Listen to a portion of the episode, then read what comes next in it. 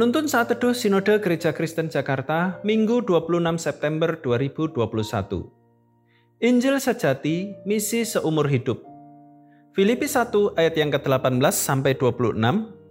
Tetapi tidak mengapa, sebab bagaimanapun juga Kristus diberitakan, baik dengan maksud palsu maupun dengan jujur.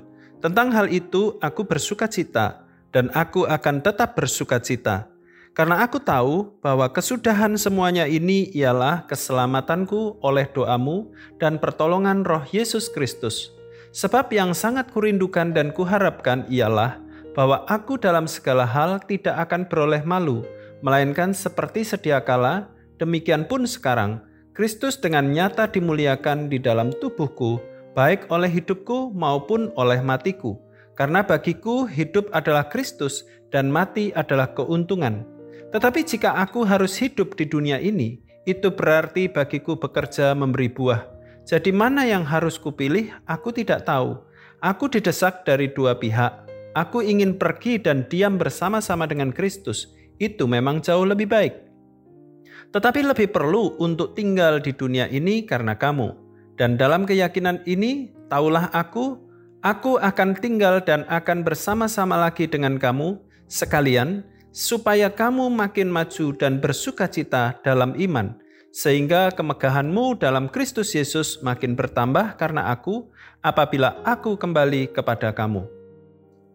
When something's right, then something is worth to die for adalah potongan lirik dari sebuah lagu berjudul Something to Die For dari grup band The Sounds.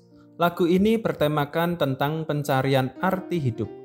Walaupun lagu ini bukan lagu rohani Kristen, tetapi potongan lirik tersebut mengandung makna yang sangat penting. Potongan lagu ini memiliki pesan bahwa ketika seseorang mendapatkan sesuatu yang benar, maka sesuatu itu layak untuk diperjuangkan sampai mati. Dalam nas hari ini, Paulus menuliskan surat kepada jemaat Filipi. Dia berbicara tentang perjuangannya terhadap kemajuan Injil meski harus berada di dalam penjara.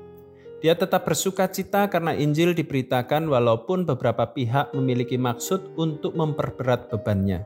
Sebab bagi Paulus, sebagai seorang yang sudah diselamatkan dan hidup bagi Kristus, kematian adalah keuntungan baginya. Tetapi jika Tuhan masih memberikan kesempatan untuk hidup baginya, maka fokus utama hidupnya bekerja adalah untuk menghasilkan buah bagi Kristus. Dan hidupnya hanya untuk melayani jiwa-jiwa yang dipercayakan baginya. Artinya, perjuangan dalam sisa hidupnya hanya berfokus untuk menghasilkan buah jiwa-jiwa bagi Kristus.